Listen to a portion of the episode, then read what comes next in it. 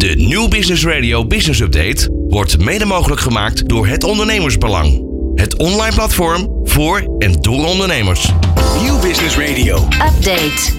Zaterdag 22 april is de Dag van de Aarde. Het is alweer de 50ste, waarin er eh, ja, aandacht gevraagd wordt voor het milieu. Dat is de afgelopen jaren natuurlijk alleen maar toegenomen. Ehm, hierover gaan we praten aan de hand van ja, voorbeelden hoe we in Nederland met duurzaamheid omgaan. In deze update doen we dat aan de hand van het voorbeeld van Undimeister. Ga hierover spreken met de oprichter Jeroen Adriaans. Ondernemende mensen, inspirerende gesprekken en alles over innovaties en duurzaamheid. Dit is Nieuw Business Radio. Jeroen, welkom in de studio. Ja, dankjewel, dankjewel. Ja, toch even de vraag, want ehm, ja, we, we hebben het heel vaak gehad over, over eh, ja, eh, ecologisch verantwoord, over duurzaamheid. Het heeft zich natuurlijk allerlei eh, ja, ontwikkelingen heeft het doorgemaakt de afgelopen jaren. Jullie zijn eigenlijk een voorbeeld van een nieuw merk, eh, wat aan de hand hiervan eigenlijk ontstaan is, hè? Ja, ja, absoluut. Wij zijn echt eh, vol overtuiging gestart om te focussen op een duurzamere wereld. Ik kom zelf, ja, voordat ik met Unimars startte, zat ik ook in een ondergoedbedrijf. Zaten we ja, in de bamboe ondergoed. En ja, mijn compagnon eigenlijk hetzelfde, ander bedrijf. En eh, ja, we zijn eigenlijk samen het gesprek aangegaan van, nou weet je, er moet, eh, ja, we moeten weer een stapje verder. Het moet nog duurzamer kunnen. En daar is uiteindelijk Unimeister uit ontstaan. Ja, Unimeister is natuurlijk, zijn ook onderbroeken. Ehm, eh, jullie zijn drie jaar geleden daarmee gestart, geloof ik, hè? Ja, klopt, 2019. En dat had alles te maken ook met die dag van de, van de aarde, want dat is een beetje de link, geloof ik, hè? Nou ja, we zijn, eh, we zijn in 2019 zelfs nog eh, ook in een eh, uitzending hier hebben we toen het bedrijf gelanceerd van we komen eraan.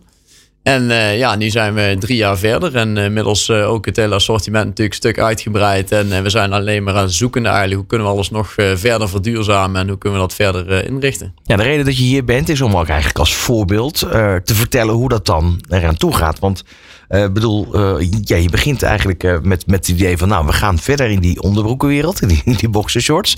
Ehm, dan ga je natuurlijk kiezen voor type stof of de manier waarop product vervaardigd wordt.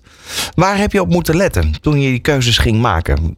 Nou ja, we zijn met name heel erg eh, gefocust geweest op eh, de productie in ieder geval zo dicht mogelijk bij te houden. Dus in ieder geval in Europa.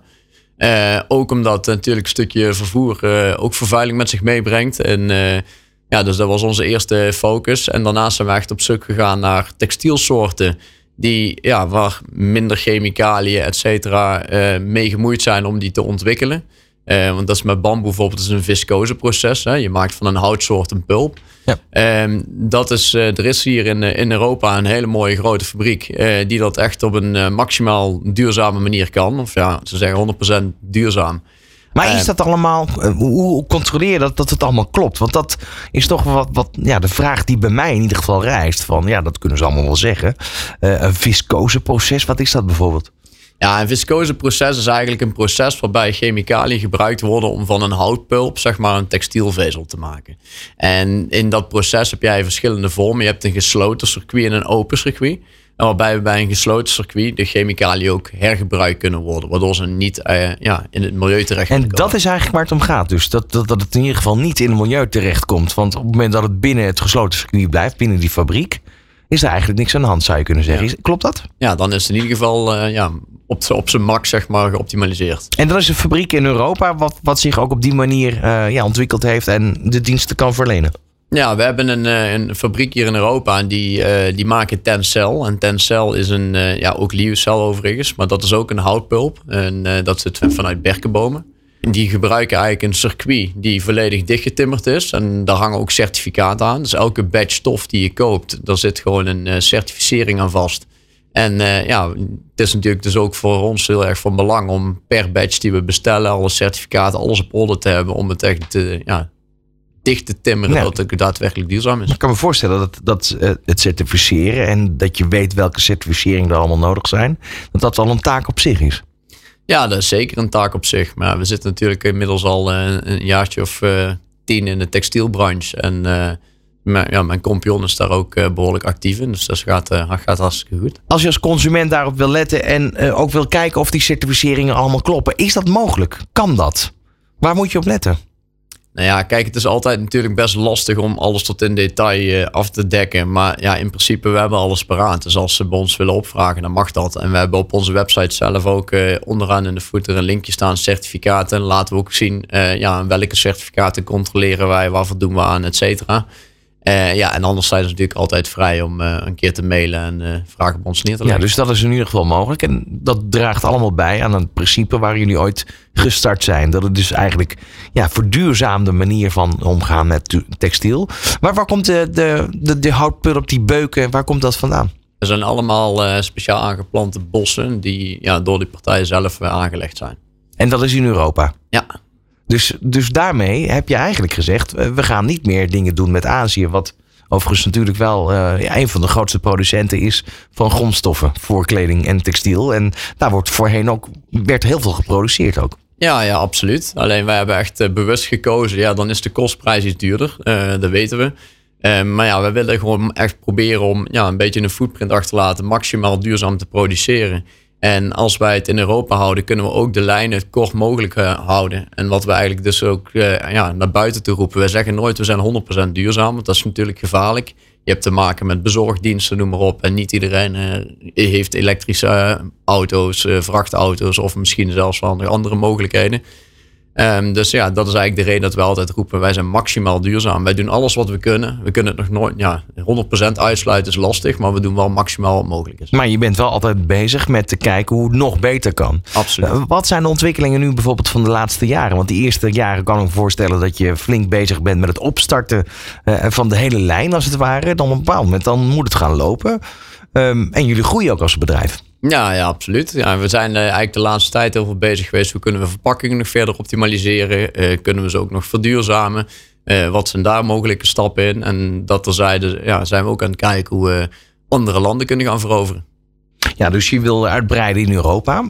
Dan kan ik me ook voorstellen dat je dan ook weer in andere landen terechtkomt... waar wellicht andere waarden en normen gelden met betrekking tot duurzaamheid. Is dat iets wat je, wat je van tevoren uitzoekt? Of, of je ziet het wel. Ja, ik kan me niet voorstellen. Maar hoe ga je daarmee om? Ja, we zijn wel uh, serieus een, een, ja, een strategie aan het uitwerken. En daar worden heel veel kerngetallen meegenomen. Dus ook uh, in hoeverre is de consument al klaar en staan ze open voor duurzaamheid? Wat zijn ze bereid om uit te geven aan een product? Want het moet natuurlijk in verhouding zijn. zoals je zult begrijpen, duurzaamheid, ja, dat, heeft, dat brengt ook een prijs met zich mee. Als je in Europa produceert ten opzichte van een Aziatisch land, ja, dat, ja, je praat over een andere kostprijs. Dus we moeten ook kijken of de, de doelgroep waar wij naartoe willen, of die ja, klaar zijn voor ons product. Ja, en bedoel, uh, je hebt een online webshop. Dus dat betekent dat het naar een individu gestuurd kan worden. Hoe zorg je daar dat het zo duurzaam mogelijk gaat? Want dat is ook wel weer een, een vraag die niet altijd beantwoorden is op dit moment, toch? Ja, dat is absoluut. Uh, kijk, we zijn natuurlijk helemaal in het begin. We hebben alle producten per stuk verpakt. Dus we zijn al teruggegaan naar minder verpakkingsmateriaal, dunnere dozen gebruiken, dat soort zaken.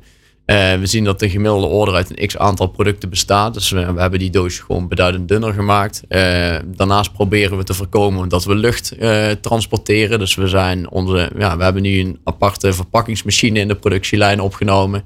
Die maakt eigenlijk onze verzenddozen op maat. Dus ja, dan past er ook meer in de auto. En zo zijn we eigenlijk continu zoekende naar zaken die we verder kunnen optimaliseren. Volgens mij is het ook leuk, toch? Ja, ik vind het heel leuk. Ja, toch? Dat, is een beetje het doel ook. Um, dan de toekomst van Unimeister. Ja, je zegt al uh, expansie naar het buitenland. Uh, wat zie je nog meer gaan ge gebeuren? Stel, we zitten hier volgend jaar weer. En we hebben weer als thema uh, Dag van de Aarde. Wat ga je dan vertellen, denk je? Nou, ik hoop dat we dan het afgelopen jaar weer een paar hele mooie ontwikkelingen hebben en, en mogelijkheden hebben weten te vinden, weten te realiseren om onze, ja, het hele proces tot aan de eindconsument weer verder te verduurzamen. Zijn er nog ondernemers die jou erg inspireren op dit gebied?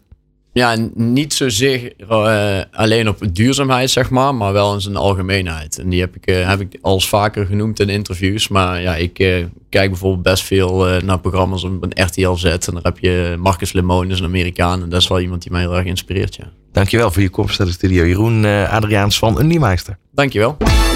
Van hippe start-up tot ijzersterke multinational. Iedereen praat mee. Dit is New Business Radio.